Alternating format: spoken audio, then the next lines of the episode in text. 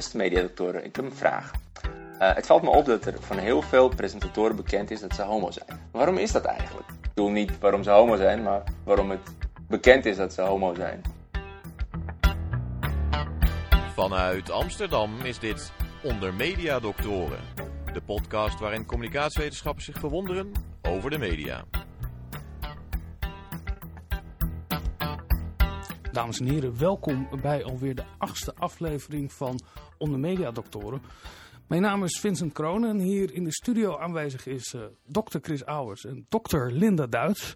En vandaag gaan wij het hebben over homoseksualiteit in de media. Chris, doet het er eigenlijk toe of iemand homoseksueel is op het moment dat je iemand op televisie ziet? Uh, nou, als het niet in een homoseksuele setting is, uh, doet dat er eigenlijk niet toe, nee. Maar waarom zouden we dan daarover gaan nadenken? Nou ja, kijk, homoseksuelen die kunnen bijvoorbeeld een boek lezen. Of ze kunnen naar de televisie kijken. Of ze kunnen uh, voetballen. Of ze kunnen allemaal dingen doen die helemaal niks met homoseksualiteit te maken hebben. Dus in die zin maakt het niet uit als homo's op de tv komen en daar dan iets, ja, daar dan iets niet homoseksueels doen. Linda, heb jij een, altijd een goed idee wie homo is en wie geen homo is? Nee, ik ben daar heel erg slecht in. Jouw gaydar staat niet altijd aan? Ik heb een ontzettend slecht functionerende uh, gaydar en uh, daar ben ik ook heel blij om. Uh, zelfde vraag voor jou. Vind jij het belangrijk om te weten wie er homoseksueel is en wie niet als je naar de televisie kijkt of radio luistert of een tijdschrift leest? Als goed opgevoede cultural studies onderzoeker zeg ik natuurlijk dat dat niet belangrijk is. Maar als uh, persoon denk ik dat het heel uh, spannend kan zijn om te bedenken of uh, uh, Tim Hofman van BNN, of die nou homo is of niet. Want als hij geen homo is, dan wil hij misschien wel verkering met mij. En als hij wel homo is, dan heb ik minder kans. Chris, als iemand homoseksueel is en op televisie komt, heb je dan ook een soort taak om juist uit de kast te komen? Ja, dan heb je de taak om uit de kast te komen. Dan kunnen de mensen in Nederland namelijk, dan kunnen de homoseksuele jongeren die eenzaam en alleen zijn en niet weten dat er ook andere homo's bestaan, die kunnen dan uh, ja, erachter komen dat er meer homo's op deze wereld zijn. Welke rolmodellen hebben we? Nou, dat is een goede vraag, want daar heb ik natuurlijk over nagedacht uh, in de voorbereiding en ik heb eigenlijk geen goede voorbeelden, had ik, uh, heb ik eigenlijk bedacht. Dat is, ook heel, dat is namelijk ook, dat is ook volgens mij, als er, als er überhaupt een probleem is met homo's in de media, dan zou ik zeggen, dit is het probleem. Namelijk dat ik echt werkelijk waar niet zou weten wie die voorbeelden dan zouden moeten zijn. Want je komt dan toch heel snel uit bij Albert Verlinde, Marie van de Ven, uh, Mike de Boer. En dat zijn nou precies het soort homo's waarvan volgens mij een hele hoop van die homoseksuele jongeren juist denken van, je, jemig, uh, hoor ik daarbij. Ik denk dat uh, rolmodellen een heel lastig concept is om mee te werken. Omdat rolmodel, daar zit het idee in van uh, een voorbeeld. Terwijl ik denk dat het belangrijk is um, dat, je, dat mensen uit de kast zijn. Dat ze daar ook openlijk over uh, zijn. Omdat ze dan laten zien dat het niet iets is om je voor te schamen. Aan de andere kant vind ik ook dat het er eigenlijk helemaal niet toe zou moeten doen. Maar blijkbaar uh, leven wij in een tijd waarin dat wel belangrijk is. En uh, dan gaat het erom dat er zichtbaarheid is. Dat is misschien een beter woord dan rolmodellen. Omdat um, bij die zichtbaarheid gaat het bijvoorbeeld om verschillende soorten homo's. Dus dat je niet alleen maar de uh, nichten hebt zoals Geer en Goor. maar dat je ook uh, uh, jonge homo's uh, hebt die, die helemaal niet zo hysterisch zijn. Um, dat, er, dat er diversiteit te zien is. En dan maakt het niet per se uit of je wilt zijn zoals iemand. Maar ik denk dat het belangrijk is dat er in de media te zien is dat er heel erg veel verschillende manieren zijn waarop je homoseksueel of lesbienne kunt zijn. Maar Chris, heb jij dan het idee, wat Linda aangeeft, dat de rolmodellen die we nu hebben, of het, het soort rollen die door homoseksuelen worden ingevuld, te eenzijdig zijn? Nou ja, ik bedoel, kijk, ze zijn natuurlijk altijd, het is natuurlijk altijd scheef verdeeld. Ik bedoel, het is een bepaald soort, dat is met alles zo. Ik bedoel, docenten zijn ook een bepaald soort mensen. Wetenschappers zijn een bepaald soort mensen. Voetballers zijn een bepaald soort homo's mensen. zijn een bepaald en soort homo's mensen? zijn ook, ja, het zit, ik bedoel, er zit een bepaalde, ik bedoel, ze zijn meestal wat creatiever, zou ik zeggen. Dus ze zitten meestal wat in de softere beroepen. Om maar eens twee, ja, ik zie jullie meteen kijken. Uh, oh, ik zie, uh, om maar eens twee vooroordelen te noemen, die ook heel vaak gewoon waar zijn. Ik bedoel, in het leger kom je minder homo's tegen dan bij de kapper. Dat is gewoon een, dat is gewoon een empirisch gegeven. En dat zie je in de rolmodellen of in de zichtbaarheid zie je dat heel erg terug. En ik ben het wel heel erg met Linda eens. Je kunt, wat belangrijk is, is dat je juist de diversiteit ziet. Dus dat je ook homo's in het leger ziet. Terwijl de kans dat je um, een homoseksuele kapper in goede tijden en slechte tijden tegenkomt, toch wat groter is dan dat je een homoseksueel legerpersonage hebt. Linda, zijn homo's cool? Uh, ja uh, en nee. Ehm, ik denk dat er een bepaalde coolheid uh, toegeschreven wordt aan mensen die zichzelf durven te zijn. En uh, het idee is dat als je als homoseksueel uit de kast bent, dat je dan echt jezelf bent. En omdat je zo'n soort proeven of ritueel misschien wel hebt doorgestaan, dat je ook meer jezelf bent dan een hetero op dat moment zou kunnen zijn. En dat je zelf zijn, authentiek zijn, dat is wat wij in onze maatschappij op dit moment cool vinden. Hoe ver zijn we daar nu mee als je kijkt naar de manier hoe homoseksuelen worden gerepresenteerd? Um, nou ja, je zou kunnen zeggen dat we daar vrij ver mee zijn in de zin van dat er totale openheid is. Maar het probleem, en dat vind ik, dat vind ik ook een heel groot probleem met die representatie, is dat die diversiteit er juist voor mijn gevoel in ieder geval heel erg weinig is. Dus het gaat toch over um, ja, toch veel kappers, cultureel onder, de, mensen uit de culturele sector, mensen, met, mensen in vrouwelijke beroepen. Uiteindelijk zijn het toch als je, als je lesbiennes ziet, dan zijn het toch altijd weer een beetje mannelijke lesbiennes. Um, of met een mannelijk. Dus dat zijn dan weer juist, hè, dat, zijn dan weer, dat zit het dan weer aan de mannelijke kant. Dus in die zin is het juist hartstikke eenzijdig. En ik bedoel, kijk, dat is wel, het zijn natuurlijk wel uh, beelden die mensen heel goed kunnen begrijpen. Hier, dus zit, een, hier zit ook een probleem met uh, zichtbaarheid niet iedere homo wil als homo zichtbaar zijn. Ook nog zoiets. Dus het moment dat je dan uh, homo's hebt die dat wel willen, um, die daar heel erg voor gaan, die voldoen misschien eerder aan stereotypen. Dans de homo tango. Blijf niet zo beneden staan. Trek je vriendin Dit uh, liedje komt ergens uit de jaren ai, ai, 70. Uh, zou dat nu nog kunnen? Nou, ik vind het wel heel fout. Uh, maar uh, ja, ja, je kan het ook als ironisch uh, zien. Het is misschien best een goede carnavalskraker eigenlijk. Ik zie er zelf best wel de, de humor van in, maar... Um, Linda, je hebt gesproken met de oud-hoofdredacteur van het tijdschrift Expresso. Ehm, kan je er iets over vertellen? Wie is zij? Uh, zij is uh, de voormalige hoofd, hoofdredacteur van Expresso. Een van de jongste ook, of de jongste, meen ik. en tegenwoordig student ehm, journalistiek. Onder andere bij Chris. Dat was ook heel grappig. En we hebben haar gekozen om te interviewen omdat zij een tijdschrift heeft gemaakt, dus mediamaker is. Ook media uh, bestudeert. Maar ook omdat zij lesbisch is. En we hebben toch heel erg veel over die mannen. En waarom toch altijd maar weer die mannen hier het voortouw innemen? Nou, we gaan luisteren. Ik ben Maartje Buizen. Ik was hoofdredacteur van Expresso, een jongerenblad voor lesbiennes, homo's, biseksuelen en transgenders. Ja, Expresso is opgericht in 1988, dus dat bestaat dit jaar 25 jaar. Um, op het moment dat het werd opgericht was het echt nodig als voorlichtingsblad ook, omdat er heel weinig informatie beschikbaar was voor onze doelgroep. Nou dat nut is eigenlijk enorm verschoven over de afgelopen paar jaar. En tegenwoordig dient het meer als een uh, herkenningspunt. Dus waar andere bladen schrijven over boy meets girl, schrijven wij boy meets boy of girl meets girl. Onze doelgroep is nog steeds een minderheid en dat zal het eigenlijk altijd blijven. Ik denk dat er zeker een verschil is tussen de manier waarop lesbiennes en homo's verbeeld worden in de media. Nou, we maken officieel de gebruik van de afkorting LHBT, lesbienne, homo, biseksueel, transgender. Maar waar men vaak LHBT zegt, bedoelen ze eigenlijk homo's. Ja, ik zie mezelf wel als een, als een rolmodel voor de jonge LHBT's. Omdat er bijna niemand is die zich vanaf zo'n jonge leeftijd inzet. En omdat je op zo'n jonge leeftijd een enorm verschil maakt. Ja, ik denk dat het inderdaad heel, uh, heel belangrijk is om te laten zien dat er heel veel jonge homoseksuelen zijn en lesbiennes en biseksuelen en transgenders. Want heel vaak wordt er, de stem wordt toch vaak gegeven aan de oudere groep, omdat zij uh, meer kennis hebben, meer ervaring hebben en al, al vaker als spreekbuis aangesproken zijn. Dus je ziet toch heel vaak dat mensen naar dezelfde persoon teruggrijpen, zoals Henk Krol bijvoorbeeld. En daarbij worden jongeren heel vaak ondergesneeuwd. Als hij een uitspraak doet als de uh, acceptatie is, is voltooid, dan weet je dat dat voor heel veel jongeren nog helemaal niet klopt. Het blijkt ook uit heel veel cijfers. Dingen als zelfmoordgedachten, pestgedrag is heel hoog, nog steeds. Dus er is nog steeds heel veel te doen. Ik denk dat het in bepaalde industrieën, zoals de uh, entertainmentindustrie, makkelijker is om uit de kast te komen of om open te zijn over je geaardheid. In de entertainmentindustrie bijvoorbeeld maakt het wat minder uit of je een man of een vrouw bent dan bijvoorbeeld in meer gestereotypeerde beroepen, zoals nou ja, heel gestereotypeerd bouwvakker, voetballer, dan ben je vaak toch een man. En op het moment dat je je dan iets vrouwelijker gedraagt, word je eruit gepikt. Waar een bepaalde groep zich juist in wil mengen en eigenlijk wil laten zien van hé, hey, ik ben niet anders omdat ik homo ben. Zijn er ook mensen die denken van hé, hey, ik hoef niet te voldoen aan alle conventies die opgezet zijn door, door hetero's. Dus dingen als monogamie, maar ook rondom kleding bijvoorbeeld. Want ik wijk al af. Waarom zou ik niet gewoon gaan doen wat ik wil en dat uit gaan dragen? Op dat moment wordt het een, een soort statement eigenlijk om homo te zijn ik denk dat uh, op het moment dat het een statement is en wordt, dat je de zichtbaarheid enorm vergroot. En dat, dat vind ik wel gewoon een pluspunt, want er zijn mensen die zich daarin zullen herkennen en denken van, hé, hey, oh, dat zou ik eigenlijk ook wel willen, of wil ik ook wel zijn, of ben ik ook.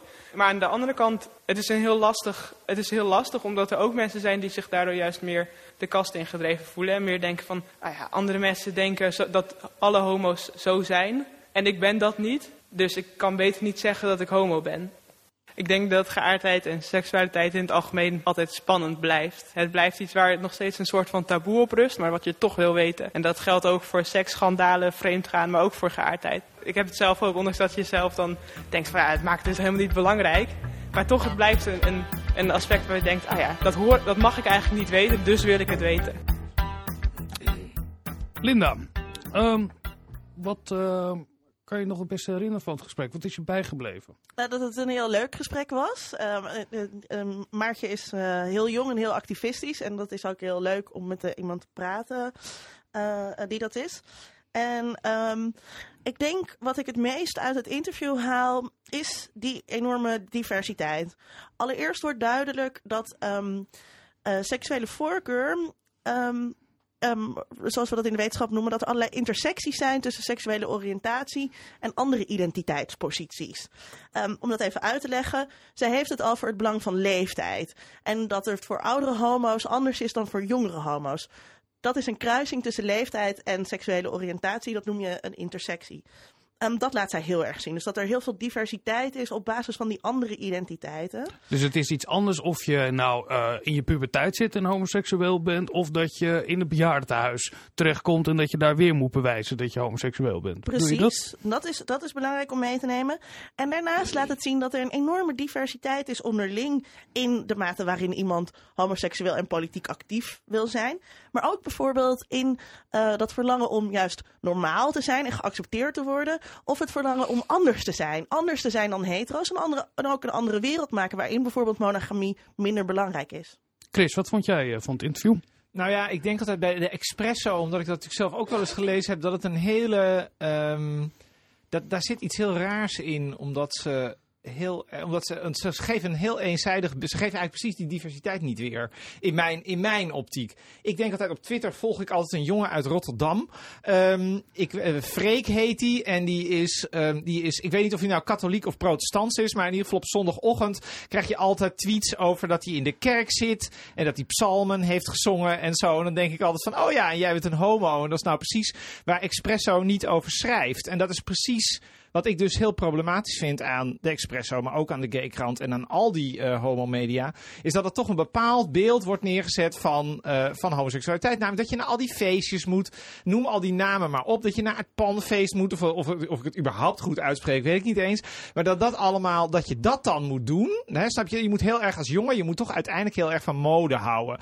Um, je moet uiteindelijk ook heel erg cultureel onderlegd zijn. Je moet heel veel films kijken. Um, je moet heel veel, je moet, uh, nou ja, je moet heel veel, um, je moet heel veel reizen. Dat is ook iets wat homo's heel veel doen. Je moet heel erg een homoseksuele identiteitje aanmeten, ja, bedoel precies. Je? Dat moet je heel erg doen. En als je dan, zou maar zeggen, een katholieke jongere bent uit, nou ja, uit Rotterdam of uit ergens uit de provincie. Ja, dan pas je toch niet helemaal in beeld. Dus je bent eigenlijk de hele dag moet je dan homo zijn? Nou ja, eigenlijk wel. En dat is precies dat. Kijk, dat zegt ze natuurlijk ook wel. Het zijn natuurlijk ook gewoon mensen die gewoon homo zijn en daar verder het niet over willen hebben. En um, de, denken van nou over tien jaar krijg ik nog eens een keer een relatie en het is nou wel mooi geweest. Um, dus, maar dat is precies het soort homoseksualiteit wat niet gepropageerd wordt uh, in, mijn, uh, in mijn optiek in ieder geval. Zoals elke aflevering hebben wij natuurlijk ook weer nagedacht over wat de wetenschap daarover heeft geschreven. En Chris heeft dat voor ons uitgezocht. En Chris, het zou me hoogelijk verbazen als jij nu gaat vertellen dat je niets hebt gevonden. Nou, er is heel erg veel over eh, de LGBT representation geschreven. Er is zelfs een heel speciaal eh, Journal of Homosexuality. Dat gaat wel heel vaak over gezondheid, overigens. Eh, dus dat is wel dat gezondheid is een belangrijker thema voor homo's dan, dan de media. Nou ja, eigenlijk gaat het heel erg. Er zijn, volgens mij zijn er twee stromen. Je zou kunnen kijken naar wat voor inhoud wordt er nou aangeboden over. dus, hè, dus hoe komen homo's in de media? En aan de andere kant, wat voor effect heeft dat nou? Laten we eerst even beginnen met het effect. Want daar is een studie van Sarah Gomillion en Tracy Giuliano gedaan. En die hebben gekeken naar uh, wat vinden homo's nou van al die homo's die in de media komen. En wat blijkt nou, dat is namelijk echt een ongelofelijke open deur die iedereen kan intrappen. Namelijk, het is heel belangrijk dat er volgens homo's, dat er homo's in de media zijn. Um, en zij storen zich heel erg aan stereotypen over homo's in de media. Zij vinden dat, homo, dat homo's en lesbiennes in de media veel, veel realistischer in beeld zouden moeten worden gebracht. Nou, um, en dat hoor je overigens in het alledaagse leven volgens mij de hele dag terug. Nou, en dan is natuurlijk de vraag van ja, hoe komen homo's dan in de media? Nou, er is zoveel werk over. Ik heb er twee uh, artikelen uitgehaald. En dat gaat over um, hoe, hoe wordt de man gerepresenteerd in homobladen. Um, dat zijn uh, vier Amerikaanse homobladen die uh, zijn geanalyseerd. En um, zij gaan heel erg, die onderzoekers, dat zijn uh, Jason Saucier en Sandra Karen, die hebben gekeken, die denken heel erg van, nou, mensen internaliseren uiteindelijk mediabeelden heel erg. Dus als mensen uiteindelijk, ja, is heel psychologisch, Linda, ze had een heel mooi perspectief. Namelijk bijvoorbeeld als nou maar veel dunne vrouwen in de media komen, dan denk je als vrouw ook zelf ook dat je dun moet zijn. Dus wat is nou de belangrijke vraag?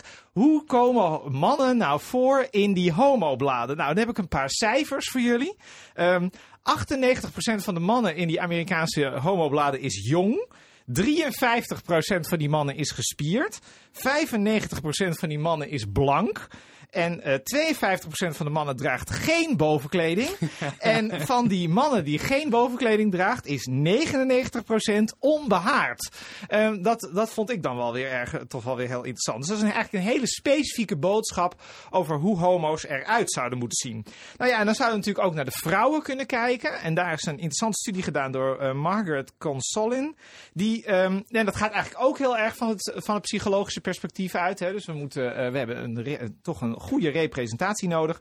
Nou, en zij vergelijkt een Amerikaans lesbienneblad, uh, dat heet Curve, met de Marie Claire. En um, wat, zij, uh, wat, zij doet is, um, zij kijkt dus naar van hoe komen vrouwen daarin voor. En dan blijkt dat 94% van de vrouwen in Marie Claire wordt geclassificeerd als vrouwelijk. En slechts 55% in het lesbienneblad uh, zijn de vrouwen echt vrouwelijk. En 12% van de vrouwen in uh, het lesbienneblad zijn mannelijk. En die komen bij de Mar Marie Claire eigenlijk helemaal niet voor. Um, nou ja, en wat is nou de grote grap? Um, in dat lesbienneblad zijn de vrouwen minder vaak jong dan in de Marie Claire. En ze zijn ook minder vaak dun dan in de Marie Claire. Um, en wat nog veel interessanter is, is dat in dat lesbienneblad vrouwen vaker in een situatie voorkomen waarin zij aan het daten zijn. Of waarin zij met de familie samen zijn. Terwijl in de Marie Claire vrouwen eigenlijk sowieso gewoon helemaal niets doen als ze op de, op de foto staan. Um, dus wat je eigenlijk zou kunnen zeggen is dat het lesbienneblad een veel diverser beeld geeft van de vrouw dan de de Marie Claire. Dus, um, dus dat is eigenlijk een hele interessante uh, conclusie. Dat lesbiennes dus eigenlijk vrij veel ruimte krijgen voor uh, de, de vorming van hun eigen identiteit, zou ik maar even zeggen. En dat juist de homo's dat eigenlijk juist niet krijgen. Want de homo's zitten juist heel erg met dat beeld van ze moeten jong gespierd, onbehaard, uh, et cetera. Geen bovenkleding dragen. Nou, noem maar allemaal maar op.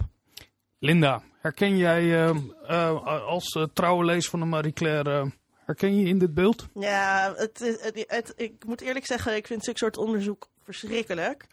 Um, omdat uh, er zitten hele rare dingen natuurlijk achter. Hè? Wat is in hemelsnaam nou een realistische homo? Geen Vraag ik me. dat, Dat weten wij ook. Ja. Dat, weet, Ja. dat wordt niet uh, gespecificeerd. Kijk, Ja. Je moet natuurlijk kijken naar wat het doel van zo'n blad is. En um, ik, ik ken die titels niet die zijn vergeleken. Maar um, de Marie Claire heeft een heel ander doel dan uh, bladen waarin foto's van mooie homo-mannen staan.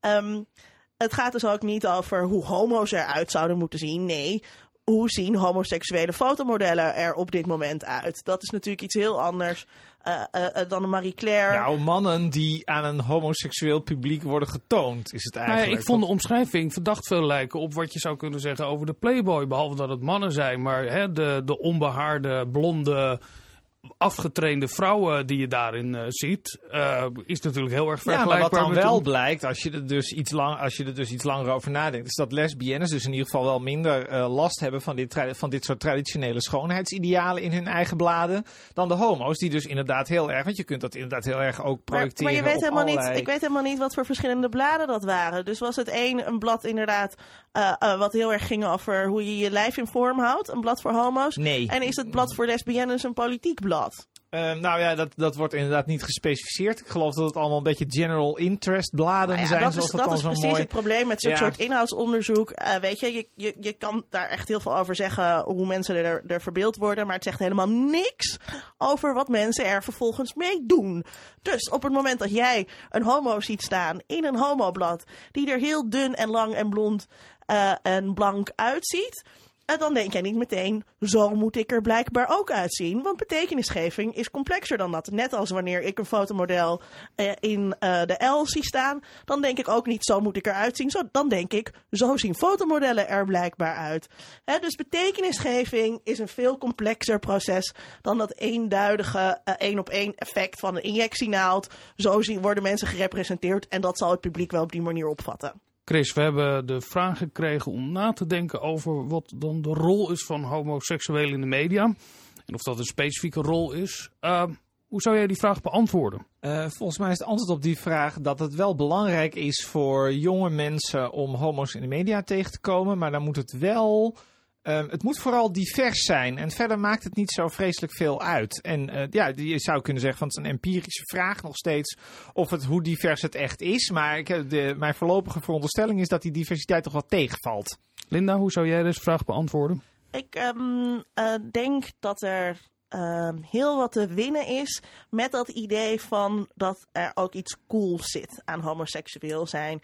En dat uh, als je jonge mensen een boodschap wil leren, dat de boodschap om jezelf te durven zijn, uh, om niet je geheimen binnen te houden, om uit de kast te komen, hoe vaak dat ook nodig is. Ik denk dat dat een hele uh, goede boodschap is. Niet alleen voor jongeren, maar uh, ook voor ouderen waar het heel erg nodig is. En voor de rest hoop ik op een wereld waarin we dit soort gesprekken uiteindelijk niet meer hoeven te doen. Dames en heren, dit was de achtste aflevering van Onder Media Doktoren. Ga naar de website www.ondermediadoktoren.nl en post uw vraag daar als u nog een vraag wil die wij gaan beantwoorden. En tot een volgende keer. Onder Mediadoktoren is een podcast van Chris Alberts, Vincent Kronen en Linda Duis. Meer informatie op www.ondermediadoktoren.nl